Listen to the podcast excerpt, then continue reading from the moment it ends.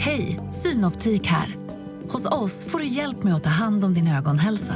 Med vår synundersökning kan vi upptäcka både synförändringar och tecken på vanliga ögonsjukdomar. Boka tid på synoptik.se.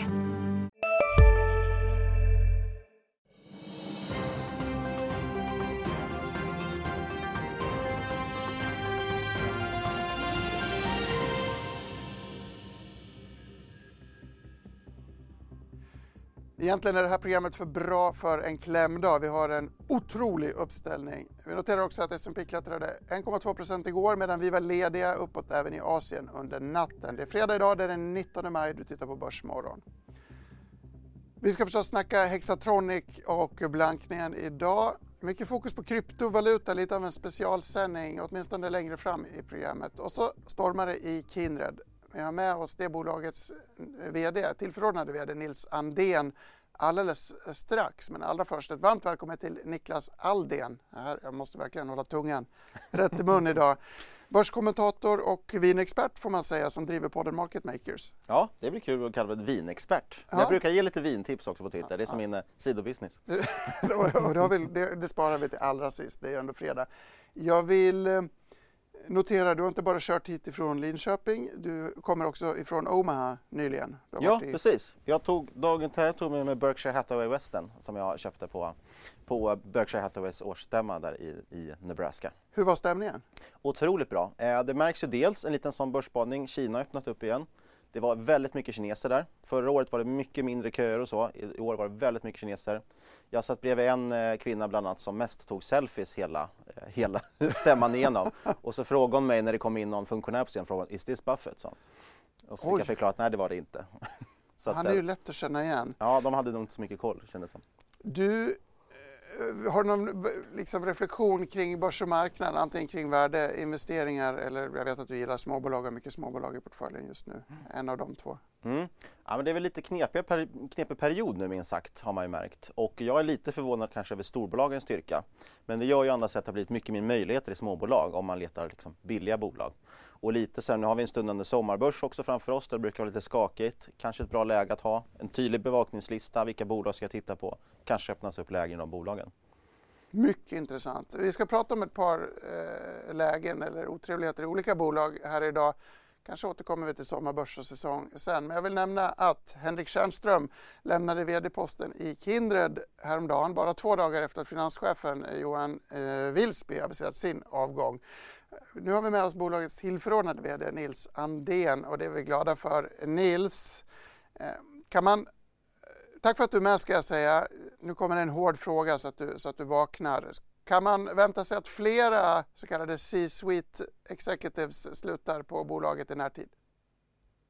Eh, god morgon till att börja med. Eh, vi eh, har ju såklart gått igenom en ganska turbulent eh, vecka och det kan ju uppfattas både dramatiskt och väldigt tråkigt när en långvarig VD och en så pass framstående person inom ett bolag lämnar abrupt och samma vecka som vår CFO har lämnat.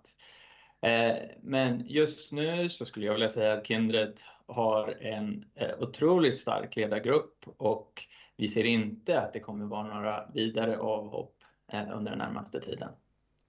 Kan du beskriva kort dina, ditt fokus, dina arbetsuppgifter de komma i, i, i det korta perspektivet? Eh, absolut. Eh, för mig så är det ju såklart väldigt nytt. Eh, det här är två, en och en halv dag in på jobbet så att eh, vissa av de frågorna får ju vi återkomma på. Men eh, generellt sett så är det ju fokus nu på att eh, informera vår personal eh, och se till att vi kan fortsätta att leverera en eh, bra eh, upplevelse till våra kunder och samtidigt eh, fortsätta att arbeta med styrelsen på den här strategiska översynen som pågår just nu. I, I den översynen så är ju USA-satsningen en viktig komponent. Har du några tankar kring den och dela med dig redan nu? Eh, just nu så är vi ju precis i mitten av den här strategiska översynen, strategiska processen. Eh, vi arbetar fortsatt mot våra mål och den strategi som vi har kommunicerat eh, tidigare. Så just nu så är det business as usual för Kindred.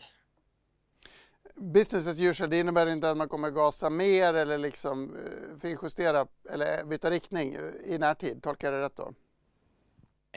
Alltså, vi finjusterar ju i eh, dagligdags här i, i, i Kindred, eh, men vår strategi ligger för tillfället på plats och vi fortsätter att arbeta mot de finansiella mål som vi har eh, kommunicerat på våra kapitalmarknadsdagar och också mot vår eh, 2023-guiden som vi kom ut med tidigare i år. Jag noterar att Kambi blivit väldigt billigt. Eh, jag undrar, kan du, kan du ge mig en kort bild av hur du resonerar kring att ha dem som leverantör visavi bygga upp egen sportbok?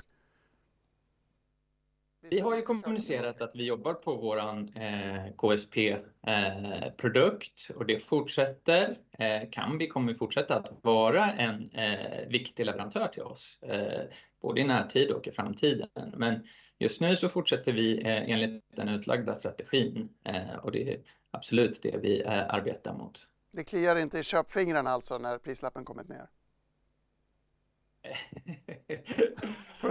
det, det, är klart att det är intressant att alltid titta på bolag. Alltså generellt sett, den här branschen har ju gått igenom ett eh, antal år av konsolidering och eh, vi har sett att skala är viktigt i det här. Men det här är ju också en fråga för vår styrelse och för den strategiska översynen vi gör. Jag känner lite dåligt samvete att jag bombade på med hårda och väldigt konkreta frågor. Henrik, vi är väldigt tacksamma att du är med. Är det någonting du vill berätta som, som du tycker är viktigt att lyfta fram som jag inte har frågat om?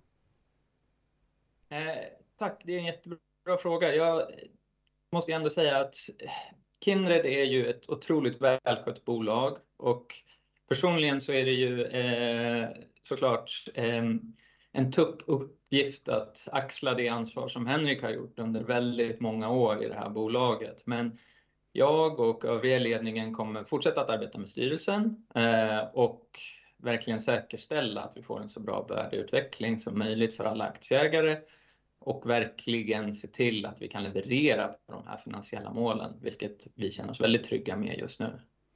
Ledsen att jag kallar dig för något annat än Nils, som du förstås heter. Nils Sandén, jätteroligt att ha dig med. Jag tyckte det var eh, strångt och roligt att lyssna på. Vi hörs snart igen, hoppas jag. Initial reflektion. Det här låter ju ja. som ett stormigt läge förstås. Definitivt, det kan man väl kanske nyttja då. Eh, jag följer inte Kindred jättenoga, däremot gillar jag sektorn i stort. Eh, lite det här, vi har drivit det lite i podden på skämt om det anti-ESG-temat, att det har varit väldigt framgångsrikt. Att många bolag som inte faller inom den här ESG-ramen gör ju att många institutioner och fonder inte får äga dem, vilket gjort dem billigare och då kan man prata om kanske olja, offshore eller ja, i det här fallet betting och kasino. Och det är väldigt intressant och dessutom har vi faktiskt det här med att svenska kronan har gått så pass svagt. Så att bolag som Kindred och så vidare är såklart mycket mer aptitliga att köpa av en amerikansk aktör som dessutom har lite, lite andra multiplar också över på den sidan Atlanten. Skulle man kunna gissa att det här bolaget är lite suget på att det ska komma en amerikansk friare ridandes över Atlanten? Nu spekulerar vi fritt då, men ja. i och med att man går in i den här strategiska översynen, man ska se hur kan man leverera med aktieägarvärde. Det är ju väldigt svårt att inte dra den typen av, att inte gå den vägen i huvudet i alla fall tycker jag. Men eh, utan att ha detaljkunskaper om Kindred. Då. Framtiden är spännande. Det skulle vi kunna göra ett helt program om. Men det har hänt en massa grejer som jag vill nämna. Eh, en sån är att Björn Borg levererade en stark rapport eh, sent i onsdags på 17 maj. Eh, jag har bara tittat översiktligt men gillade bruttomarginalsförstärkningen. Take-Two rapporterade också. Där är väl bilden mer negativ skulle jag säga, i alla fall på kort sikt. Eh, kanske blir det bättre 2025. En takeaway som Inge Heidon skickade till mig det är väl att många projekt har ställts in, framförallt inom det som heter Private Division där Gearbox, eh, Embracer, levererar in. Take-Two brukar lyfta fram det samarbetet men har inte nämnt det den här gången. Det behöver inte betyda någonting alls men det skulle kunna vara en sval Eh, ett svalt tecken om man, om man är pessimistisk. Du spelar mycket Red Dead Dimension, eh, Redemption ursäkta, enligt mina källor. Jag har spelat mycket Rockstar-spel som Take-Two äger jag. Eh, dels GTA 5 och det är ju en jättestor grej, man pratar ju alla om det. Nästa trigger Take-Two ska ju bli GTA 6 och det känns ju som att de inte vill utan att säga för de tjänar fortfarande så pass mycket pengar på GTA 5 online.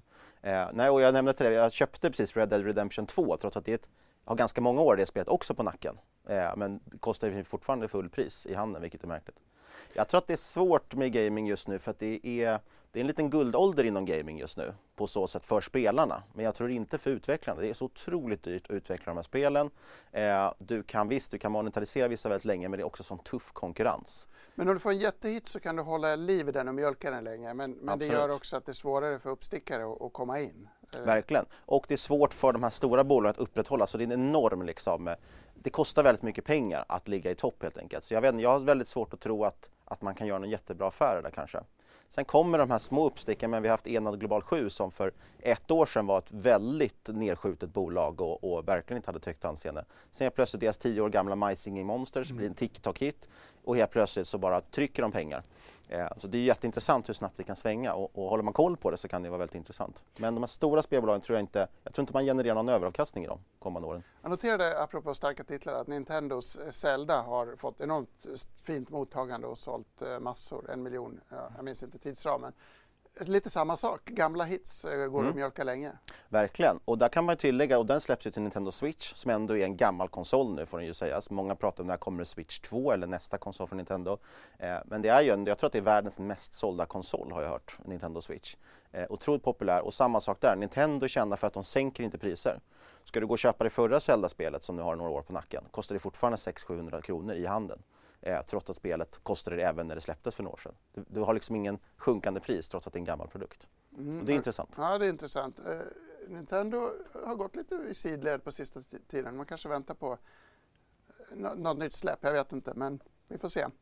Vi måste gå vidare, ursäkta att jag svamlar. Eh, Hexatronic eh, i onsdags gick alltså blankaren Fraser Perring ut med en serie tweets där han angriper det bolaget, småspararfavoriten.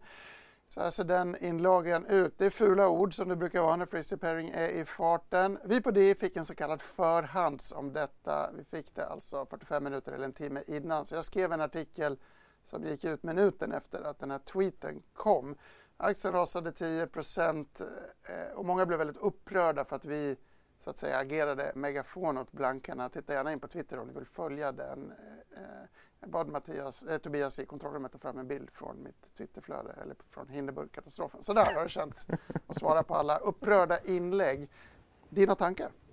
Ja, för det första kan jag säga att jag tyckte initialt också var, kände lite kris. Varför får man förhandsinformation? Samtidigt, eran uppgift, nu är inte jag här, jag är inte betald här för att försvara er, men jag tycker ändå intressant, er uppgift är ändå att förmedla nyheter och det är ju en väldigt stor nyhet att de släpper det. Eh, sen kan jag tycka att det är väldigt lösryckt och väldigt märkligt. Och jag vill bara säga, jag har ingen, ingen ekonomisk, eh, inget, ingen position i Kindred, varken lång, eller förlåt, Hexatronic, varken lång eller kort. Eh, så jag tittar på det här helt från sidan. Men jag tycker det är väldigt märkligt att det är väldigt vaga anklagelser som man kommer med. Det går inte att få tag på den här rapporten någonstans. De säger att de har ett kort case, men de presenterar inte kortcaset med några vaga, som sagt, argument och lite svärord. Eh, och det känns lite så att de kanske de spelar ju det här spelet väldigt bra dock. Alltså de har ju skjutit ner några bolag, de har liten, eh, lite track record med Wire, eh, Wirecard som visade sig faktiskt vara en fraud. Sen gick de på SBB, SBB kanske inte riktigt föll på anledningar som, som Viceroy sa, men den har absolut gått ner väldigt mycket. Mm. Väldigt många skadeskjutna småsparare där. Eh, och då hittar de ett annat bolag som är väldigt blankat, mycket småsparare som äger det, ja, går ut med lite vaga anklagelser, snabba pengar. Sen är det ju väldigt intressant att se, täcker de snabbt eller ska de nu hålla till vad sa de, 25 kronor eller vad det var? Eh, det gör ju väldigt stor skillnad i, i uppsåtet skulle jag säga. Men, ja. Och om de kommer ut med något mer substantiellt, vilket man alltså inte gjort. Jag, jag, jag sitter i den underliga situationen att jag tagit del av ett arbetsdokument som jag blivit ombedd att inte sprida. Eh, men det är ganska tunt och det är väl mindre utförligt än, än, än det man publicerade i samband med SBB Eh, kommunikationen. Ja, sen delar jag bilden att, att det är Stefan Ingves mer än någon annan som har orsakat problemen i SBB, att det är höga räntor och, och timing. Men eh, nu kommer klockan att slå nio så vi kommer att dra över lite, men vi ska titta på eh, en intervju jag gjorde med Hexatronics VD Henrik Larsson Leon tidigare i morse. Apropå kassaflöden och lager som är en angreppspunkt i den här kritiken. Nej, men vi har ju haft en väldigt kraftig tillväxt vilket gör att vi har bundit mer kapital Eh, sen kan man säga att senaste året, eh, framför allt under eh, pandemin och även kriget i Ukraina, så har det varit väldigt stora störningar i transportflöden. Det har varit materialbrister.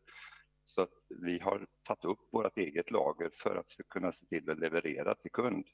Men det har vi börjat plocka ner och eh, vi plockar ner det med ungefär 20 dagar i Q1 och vi kommer fortsätta optimera vårt lager. Så att eh, eh fokus är working capital och eh, få till bättre kassaflöde från det. Men vi kommer ju fortsätta investera. Vi är i marknader som växer och vi behöver mer kapacitet och vi kommer fortsätta förvärva. Kan du för den som inte hängde med bara, mäter man i antal dagar, ge mig en kort förklaring för måttet du nämnde, 20 dagar. När vi tittar på hur många dagar i lager vi har löpande eh, och det mäter vi både kundfordringar och leverantörsskulder också när det gäller working capital. Så att eh, lagret i antal dagar av försäljning gick ner 20 dagar i Q1 jämfört med december förra året. Så vi håller på att plocka ner vårt lager. Vi håller på att plocka ner hela den intervjun till vår sajt, di.tv. Du kan se hela samtalet som vi bandade klockan åtta i morse där, om inte nu så mycket snart. Kassaflöden och lager var en huvudpunkt.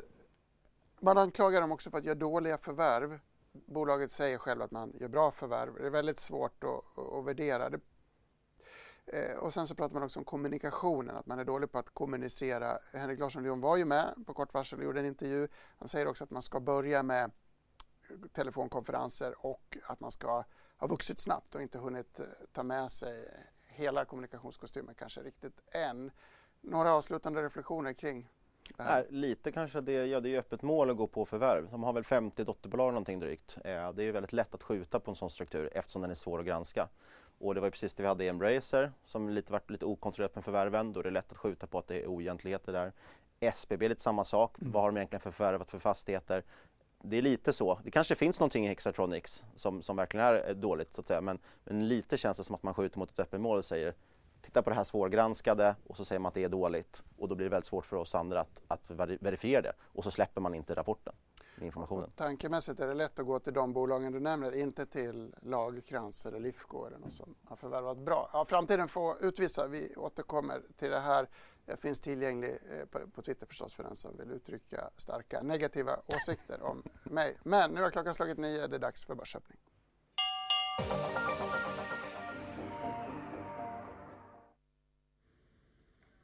Ja, här ute är det väldigt muntert. Stockholmsbörsen öppnar eh, rejält upp. Detta efter att eh, flera världsmarknader då varit glada under tiden sedan Stockholmsbörsen stängde i onsdags. Och ännu gladare är storbolagen där bland annat Autoliv är med och de har tecknat en eh, deal med en kinesisk tillverkare Nio där och där är aktien upp ganska kraftigt, eh, 3 % än så länge. Annars har vi då, eh, som ni varit inne på i programmet här, Hexatronic som i onsdags rasade efter blankningsattacken av Viceroy. Där är aktien idag hittills upp en procent och ett annat bolag som ni varit inne på i studion där, Kindred. Där händer det ju saker då med både VD-avhopp och CFO som lämnar. Kindred handlas ja, svagt neråt än så länge, mer eller mindre sidled här. Vi får följa den utvecklingen under programmets gång. I övrigt då så har vi ju Core som har tappat ett eh, viktigt avtal med Ericsson och där är aktien ner ganska kraftigt här, över 4% än så länge. Björn Borg som vi nämnt också har eh, presenterat eh, starka siffror. Där har vi ett eh, rejält rus med närmare tvåsiffrigt upp än så länge. Och Eh, senare går vi till eh, bilhandelskedjan Meko där finansdirektören då har sagt upp sig och lämnar för ett nytt uppdrag utanför koncernen. Aktien handlas just nu ner omkring 2% Sobi tittar vi på vidare. Där har man eh, meddelat att Europeiska läkemedelsmyndigheten EMA godkänt en ansökan för deras hemofililäkemedel. Det skickar upp aktien närmare 2 Eh, olje och gasbolaget Enquest, eh, ännu större uppgång där än så länge. Där har man fått en eh, ett erbjudande om licenser för att då lagra koldioxid i Nordsjön och det verkar ha glatt ägarna idag. Concentric som tillverkar motor och eh, hydraulikprodukter har fått en order från Nordamerika på 200 miljoner kronor och eh, där är aktien upp eh, närmare 2% Det som tynger då storbolagslistan är återigen SBB och där har bland annat Goldman Sachs då upprepat sitt säljstämpel och även halverat riktkursen från 10 till 5 kronor och kursen som vi ser där ner över 3% än så länge. Vi nämnde ju Autoliv där som har ingått då en en order eller ett samarbete med kinesiska Nio och de är upp än så länge 3% Så muntert än så länge på Stockholmsbörsen och det var ju ganska väntat. Hej, Ulf Kristersson här. På många sätt är det en mörk tid vi lever i. Men nu tar vi ett stort steg för att göra Sverige till en tryggare och säkrare plats. Sverige är nu medlem i Nato. En för alla, alla för en. Vi är specialister på det vi gör, precis som du. Därför försäkrar vi på Swedea bara småföretag, som ditt. För oss är små företag alltid större än stora och vår företagsförsäkring anpassar sig helt efter firmans förutsättningar. Gå in på swedea.se företag och jämför själv.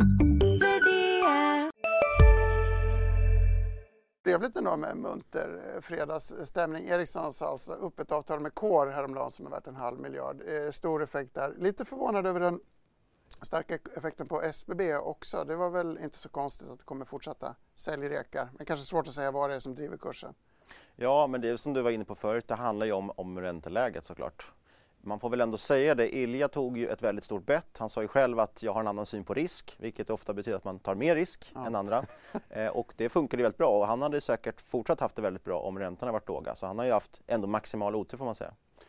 Maximal otur eh, och tufft läge. Vi hoppas förstås att det ordnar sig till sist. Brittiska eh, lågprisbolaget i låg, vad säger jag?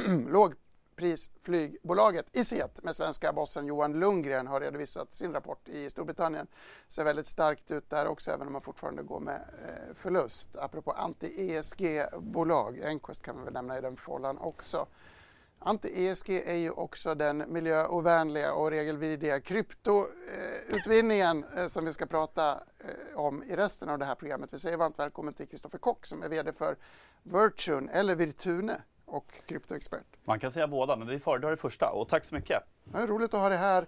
Eh, ni är helt okända för oss. Ni lanserar en ny fond, tänkte jag säga. ETP, rättade du mig då. Vad är det? Det stämmer. Vi lanserade i måndags på Nasdaq Stockholm eh, Sveriges första kryptoindex ETP. Och ETP det står för Exchange Traded Product. Så det är alltså en produkt som är listad på, på Nasdaq Stockholm och handlas i, i realtid. Och eh, det innebär att man i en och samma produkt får exponering mot upp till tio ledande, ledande kryptovalutor. Klassisk indexfond alltså, fast i oklassisk eh, miljö? Nu får jag inte säga fond, nu blir du arg. Men, eh, precis, precis. Det finns väl likheter kan man säga. Hur lätt har det varit? Det, det är ganska bökigt tycker jag att handla i krypto för jag måste skicka pengar till Seychellerna på Binance och... Eh, ja, och framförallt får du inte ut dem nu när många svenska banker har stoppat krypto utföraren. Oops, vadå? Får jag inte tillbaka mina pengar? Nej, vissa har haft svårt. Jag hade svårt problem till exempel, för det var ju apropå det här med, med miljövidrigt som sa, eh, ethereum bytte ju över till proof of stake nu, eh, ja. det var ett tag sedan, men eh, för att inte vara miljöpåverkande på det sättet. Eh, och då har de ju infört en stakingfunktion, alltså att man kan få lägga in dem som en bonds då, mm. så att du får en liten ränta. Och de kunde man ju släppa nu, då skulle jag plocka ut lite ethereum och då vägrade min bank ta emot de pengarna bland annat, så jag fick gå via en annan bank för att ens få ut pengar. Så det, jag har sett att det är en del banker som börjar nu stoppa överföringar från krypto. Och då är de här typ ETPer eller de här certifikaten som finns har vi förordat väldigt mycket eh, genom åren just för smidigheten. Intressant. Jag visste ju att bankerna stoppade på vägen ut men inte att de stoppade på vägen eh, tillbaka. Vi får bryta den här sändningen. Jag måste gå och ringa min bank. Nej. Hur ser ni på krypto just nu då? Det kraschade ju förra året. Eh, du får börja. Absolut. Nej, men om vi börjar med en tillbakablick på, på förra året så såg vi att dels så var det ju eh, räntehöjningarna som såklart påverkar kryptomarknaden också. Sen hade vi en del eh, incidenter på kryptomarknaden som bidrog till att initiera det vi kallar en, en björnmarknad även i, i kryptospace då. Och det var ju bland annat att vi hade att två av de större kryptovalutorna, bland annat Terra Luna, men också FTX-kraschen som, som inträffade under eh, föregående år. Och eh, FTX var ju något som har varit väldigt omskrivet i, i media, så, som många har, har, har läst om. Eh, och det eh, bidrog ju såklart väldigt mycket till eh, den kraschen vi såg under förra året. Eh, och det man kunde se nu under för, i slutet på året är att många tror att vi nådde en botten när bitcoin slog ner på 15 000 dollar ungefär i efterdyningarna av FTX. Då. Men kom tillbaka väldigt starkt. Vi ser en bitcoin-graf här. Den jobbade sig upp snabbt och har legat rätt stabilt, eller vad ska man säga? Väl upp 50% någonting för allt tror jag sedan årsskiftet. I alla fall i, i kronor är det ju väldigt starkt och även ethereum också. Eh, men det är intressant det där, för det är frågan vad är det egentligen som driver priset på en kryptovaluta? Tittar man på fastighet som är inne på med SBB, då är det ju i slutändan räntan. Hur mycket får du mm. låna för att köpa en fastighet styr priset. Eh, och Bitcoin har ju hyllats mycket som, jag har varit en del av de som tycker att det är någon form av digitalt guld, eh, men den agerar ju inte som det. Utan tittar du faktiskt vad som driver kursen så är det väldigt mycket riskviljan. Och som du var inne på, räntan har gått upp, riskviljan har gått ner. Ja, det är klart att det drabbar bitcoin också. Folk vågar inte ta lika mycket risk. Derivat på Nasdaq är den bästa förklaringen jag har i dagsläget. Eh, eh, Håller du med om den analysen? Eh, eh, eh, derivat?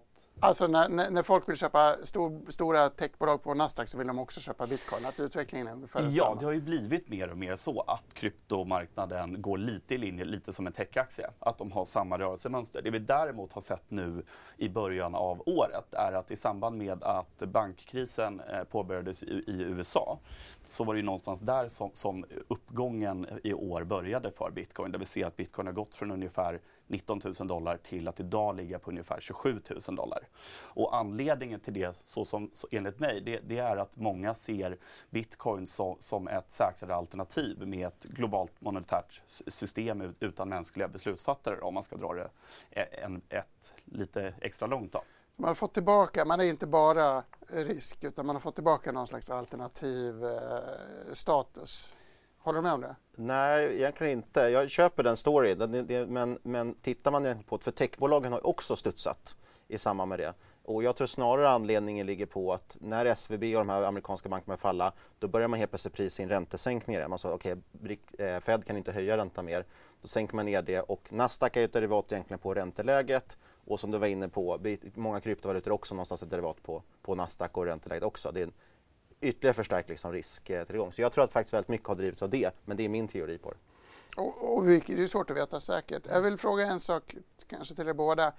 Jag noterade att vi hade en bild på bitcoin som har kommit tillbaka väldigt starkt. Hur går det för altcoins? Då? Jag har förstått att bitcoin och ethereum eh, är tillbaka i, i viss mån. Hur går det för de mindre?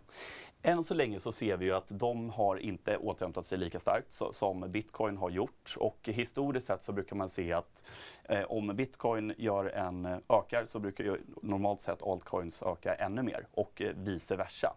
Men än så länge så är vi ju inte inne i det som kallas en en alt season brukar man prata om i, i kryptomarknaden. Då.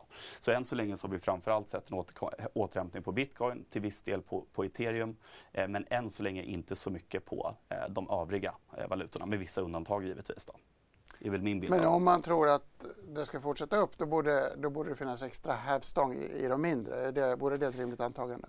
Ja men absolut. Och tittar man så, det finns ju en enorm uppsida i, i de övriga altcoinsen som är bland de, bland de större. Eh, där det pågår väldigt mycket spännande, där de olika kryptovalutorna eh, har olika användningsområden alltså, så, som vi ser växer eh, kontinuerligt. Så att vi på Virtune ser eh, stor potential i kryptovalutorna som är bortom eh, bitcoin och ethereum som också är en av de största anledningarna till att vi har lanserat den här nya, nya produkten på Nasdaq. Då. Har du någon syn på åt vilket håll Ja, det, det knepiga nu tycker jag det är ju dock att, precis som du säger, det har ju varit så, det är precis som med, med miners eller vad som helst, att de mindre bolagen, de har ofta lite mer hävstång, silver brukar följa på guld. Eh, det enda som kanske skulle tala emot det, det är att förtroendet är ganska knäckt för många altcoins. Vi har haft det som du sa med Terra Luna, vi har haft Tether-krisen, vi har haft Solana, jättemånga sådana altcoins och, och hundratals mycket mindre okända, mer okända som ju har det har brustit i förtroende och FTX, nu har det även varit diskussioner om Coinbase.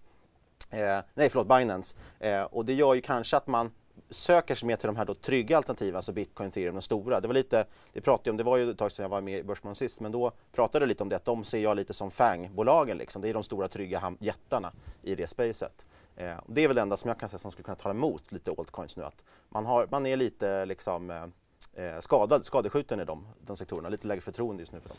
Ja, precis. precis. Jag, jag, jag, håller, jag håller delvis med och jag tycker att en anledning till att de händelser som inträffade förra året har kunnat hända, det beror ju också på att kryptobolag har ju kunnat verka ganska fritt i jurisdiktioner där det inte behövs någon transparens, ingen insyn och regleringar överhuvudtaget. Och det ser jag som någonting som är väldigt viktigt som behöver komma på plats för att kryptomarknaden i sin helhet ska mogna ännu mer. Och det är faktiskt någonting som vi ser eh, komma nu i EU, vilket jag ser med spända ögon på. Det kom en grej i onsdags eh, väl? Tisdags. Tisdags, ursäkta. En, vad händer då? Ja, då är det ju det som kallas MIKA-förordningen. Så det är egentligen den första regleringen i EU eh, som, som, nu är klubbad, som förväntas träda i kraft här i början på nästa år. Och det som är väldigt spännande med det, det är att EU på en, utifrån den globala marknadens perspektiv, att de tar på sig en ledande roll i den regulatoriska miljön när det kommer till krypto. Eh, och det är något som vi på Virtuen tror, vi, vi välkomnar den regleringen för det kommer ställa högre krav på alla som verkar i kryptomarknaden. Och en intressant sak som, som, som den kommer innebära det är bland annat att eh, de som skapar nya kryptovalutor behöver ta fram det som kallas ett white paper. Och det går att jämföra ungefär med ett bolagsprospekt. Ungefär. Mm. Och det behöver skickas in till, till myndigheterna i det landet man verkar inom. Så att det här kommer ställa mycket högre krav på transparens och, och säkerhet och liknande. Eh, och tillbaka till FTX där, så, så är det precis en sån sak som, som kan göra att vi kan förebygga att sådana saker inte händer eh, i framtiden. Har du någon regulationsreflektion eller regleringsreflektion? Nej, jag kan bara hålla med och jag tycker också att det är väldigt klokt eh, att det finns någon form av indexprodukt som ni ändå har eh, utan att kunna detaljerna om just eran. Men den idén är väldigt klokt eftersom det är så pass hög risk i en ganska oreglerad marknad så tror jag det bästa på att gå på de stora jättarna och sen kanske sprida riskerna i de mindre och inte gå all in på någon liten valuta. Eh, hur har ni gjort då för att eh, komponera den här buketten? Jag tror att vi har en bild faktiskt på de eh, mynt eller coins eller valutor som ingår i Bitcoin och ethereum förstås det stämmer. Eh, och det vi har gjort här är att den är, det är en värdeviktad portfölj som eh, då allokeras baserat på varje kryptovalutas totala marknadsvärde. Så då ser vi givetvis att vi har en stor fördelning eh, för bitcoin och ethereum som i dagsläget då blir ungefär 80% av portföljen. Eh, sen har vi satt ett tak på att en kryptovaluta kan inte stå för mer än 40% av den totala portföljen. Och varför har vi gjort det? Jo, det är för att vi vill öka diversifieringen men också för att fånga upp de här altcoinsen som, som, som vi tror väldigt mycket på, där det finns väldigt, väldigt mycket potential. Eh, och den här eh, portföljen ombalanseras sen en gång per månad där man egentligen då viktar om det baserat på de här eh, reglerna. Då. Och det är för delvis så keep the winners och get, get rid of the losers som, som man gör de ändringarna på månadsbasis. Då. Det, man, det man däremot ser om man är insatt i kryptospacet så ser man att de valutorna som är med här inte är helt enligt eh, market cap. Och det beror på att eh, Nasdaq eh, har ett eget, eget regelverk på, på vilka kryptovalutor som är godkända. Så de, varje kryptovaluta behöver uppfylla diverse kriterier som vi då behöver eh, förhålla oss till. Men, men, det här är de större av de mindre så att säga, nummer tre och, och, och framåt. Någon, någon, av dem som du reagerar på? Ja, jag tyckte det var roligt att se Axie Infinity. Det är ju det här uh, hästkapplöpningskryptospelet. Det stämmer, det stämmer. Hur kom nämna, den in där? Ja, men där, vi, vi har ju en indexstrategi som är en transparent strategi som vem som helst kan, kan ta del av. Eh, och den, då har vi ett antal punkter, bland annat på att varje kryptovaluta ska ha ett visst totalt marknadsvärde och liknande. Så vi gör ingen eh, egen subjektiv bedömning på vilka kryptovalutor som ska komma in och inte. Eh, så, så, så därav så är det den minsta eh, valutan just nu. Eh, kan dock tillägga att den kommer faktiskt försvinna nu när vi ombalanserar eh, portföljen nu, vilket sker nu den sista maj. Då. Jag vill höra mer om den här hästkapplöpnings... Ja, jag och min poddkollega höll på att titta på att köpa en häst där faktiskt för ett tag sedan. Men då har jag för att man handlade med ethereum. Men de kanske har en, en egen eh, coin också. Eh, men det var jättestort, så det var ingen, ingen kritik utan det var en jättestor hästkapplöpning på nätet. Man kunde föda upp och, och hålla på med hästar också och så vann man då pengar i, eh, i krypto helt enkelt. Digitala hästar gissar jag? Ja, absolut. absolut. Mm, det får också göra ett specialprogram om, tror jag. Polkadot har till och med jag hört talas om, en av de eh, mer respekterade av de mindre. Berätta kort om den. Ja, men för, det är faktiskt en, en, en kryptovaluta jag personligen tycker är väldigt spännande. Eh, det är ju dels så är det några av de som var medgrundare av ethereum som är den näst största kryptovalutan som är, står bakom eh, Polkadot-projektet som har funnits nu i ett par år. Och man kan säga att det problemet så, som Polkadot vill lösa är att deras vision är att bli internet av blockkedjor där de ska kunna koppla ihop flera blockkedjor så att de på ett enklare sätt kan interagera och kommunicera med varandra. Och det är också ändå en så kallad proof of stake eh, eh, kryptovaluta, eh, vilket innebär att, man, att den inte minas då, som man brukar prata om att bitcoin gör, som är bättre för, för miljön. Då. Polkaspaning? Nej, mer än att jag tycker det, varit intressant. det är ett intressant projekt. Absolut. Vi är inte riktigt klara med kryptosnacket än, men vi ska gå tillbaka till eh, den vanliga traditionella börsen och eh, Fredrik Lenander i studio 2. Varsågod. Ja, börsen har ju vi precis öppnat upp och det är fortsatt glatt både på stora listan och eh, Stockholmsbörsen i stort. Eh, på storbolagsindex så fortsätter då Autoliv efter eh, nyheten om en deal med kinesiska Nio. Även Hexagon och Atlas Copco är muntra läsningar idag. Eh, SBB är en av de som backar då fortsatt eh, lite dystert där hos eh, bostadsbyggsbolaget. Här. Annars har ju då vi pratat om eh, Björn Borg tidigare som presenterade en trevlig rapport efter stängning i onsdags. Där är man upp. Eh, vi har en riktig rusare här i läkemedelsbolaget Alligator som är upp tvåsiffrigt där efter att man då fått eh, särläkemedelsstatus av den amerikanska läkemedelsmyndigheten för deras medicin mot bukspottkörtelcancer. I övrigt så har eh, Adtech fortsatt eh, uppåt efter eh, att man hade en trevlig börsdag i onsdags. Starka rörelser också på Volvo Cars. Däremot Storskogen och Sampo det är några av large caps förlorare hittills idag. Så en hel del rörelser, de flesta är muntra men det finns också naturligtvis en, en del att sörja är moln eh, på, på vårhimlen eller försommarhimlen eller sommarhimlen eller vad det nu är. Storskogen, det enda jag minns är ju att grund, en av grundarna eh, sålde aktier, en försäljning som jag tror kom på 17 maj. Den kan ha kommit sent så att den inte hann prisas in. Det var halvdag i onsdags. Det är min bästa gissning. Vill du, vill du säga något om Storskogen? Nej, jag har ingen bättre gissning. Mer än att det kanske skulle vara ett bra objekt för Viceroy. Har ju också en svår struktur att granska kanske. Ja. Lite tips kan jag ge till dem så tar jag, kan jag få en procent på det. Fast Storskogen har ju handlats ner. Till och med Rickard Bråse börjar tycka att Storskogen ser, ser billigt mm. ut. Um, jag vill gå tillbaka. Vi pratade ju om, uh, om uh, anti-ESG i programmets inledning uh, och bitcoin är ju utskällt, eller kryptovaluta överlag är ju utskällt. Ska en miljövän investera i den här typen av produkter? Bra fråga. Jag skulle säga att det, det vi ser i in, eh, i kryptomarknaden nu är att det som framförallt har varit kritiserat, det har ju varit bitcoin som använder det som kallas mining för att nya kryptovalutor ska, eh, nya bitcoin ska, ska komma till. Och tidigare så har ju även då ethereum som är den näst största valutan använt sig av det. Och det vi ser i kryptomarknaden i sin helhet är att det finns krafter där man vill röra sig mot att bli mer ESG-vänliga. Och det är bland annat med den ethereum-switchen som tog plats den den finala ändringen skedde nu den 12 april där ethereum gick över från det som kallas då proof of work till proof of stake och det minskade ethereums miljöpåverkan med 99 och, och, det vi ser också bland kryptobolag runt om i världen är att fler och fler anstränger sig för att bli mer eh, miljövänliga på olika parametrar. Eh, en bred miljöresa alltså. Mr Anti-ESG, några tankar? ah, ja, det, det, då vill jag hellre vara vinexpert faktiskt, än anti-ESG. Nej, däremot kan man väl säga någonting om att eh, ibland kan ju den typen av rapporter få väldigt stort genomslag. Lite som Viceroy och deras mm. blanka rapport som de inte ens har publicerat får liksom stort genomslag.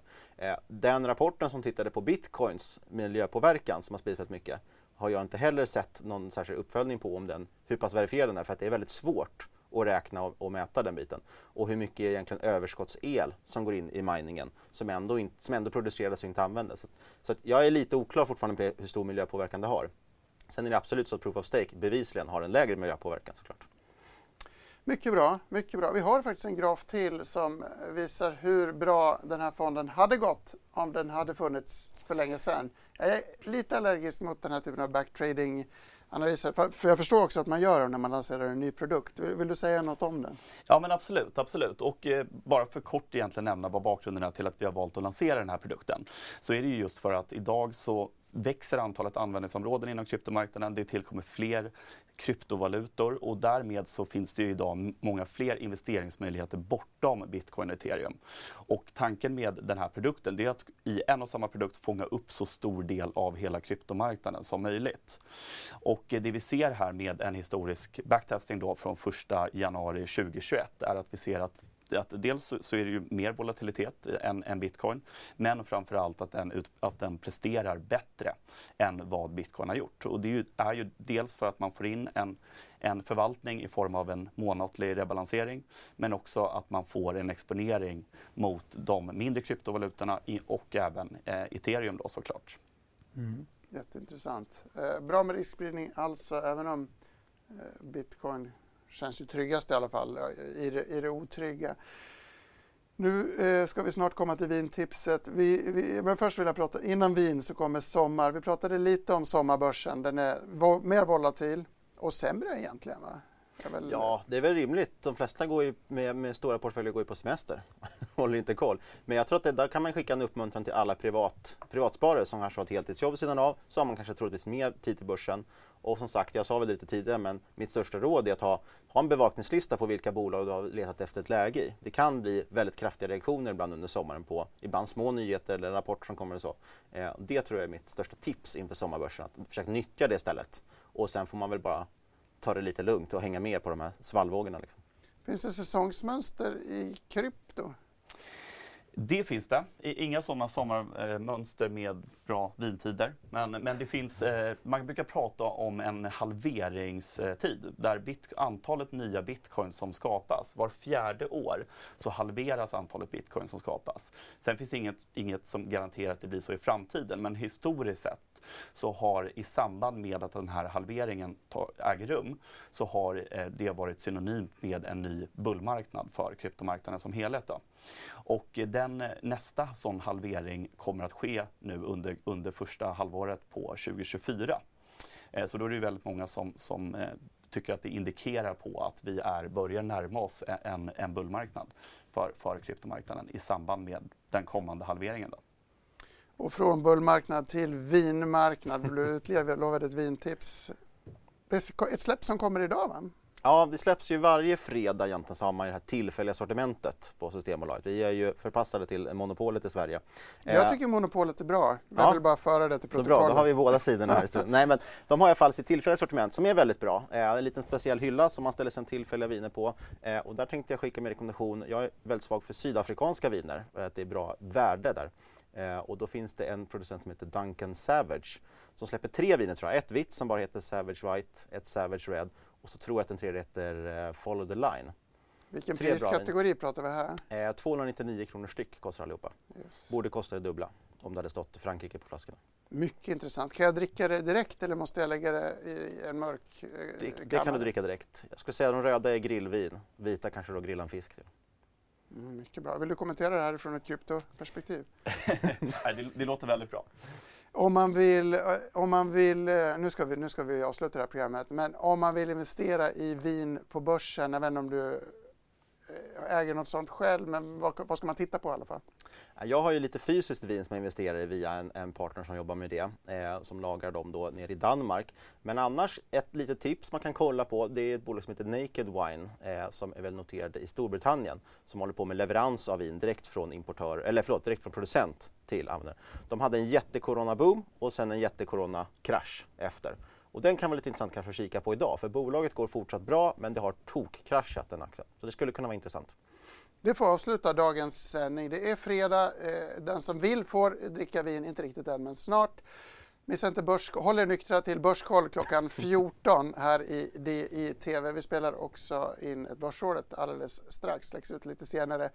Tillsammans med Niklas Aldén och Kristoffer Kock vill jag, Gabriel Mellqvist, tacka så mycket för mig och tack också ni tittare som kollat. Hörni, vi hörs och ses igen i nästa vecka. Ha en trevlig helg när den väl kommer.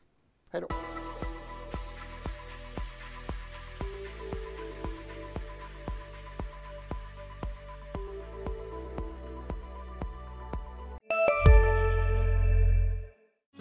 Hej, Susanne Axel här. När du gör som jag och listar dig på en av Krys vårdcentraler får du en fast läkarkontakt som kan din sjukdomshistoria. Du får träffa erfarna specialister, tillgång till lättakuten och så kan du chatta med vårdpersonalen. Så gör ditt viktigaste val idag, lista dig hos Kry. En nyhet. Nu kan du teckna livförsäkring hos Trygg-Hansa. Den ger dina nära ersättning som kan användas på det sätt som hjälper bäst. En försäkring för dig och till de som älskar dig. Läs mer och teckna på trygghansa.se. Trygg Hansa, trygghet för livet.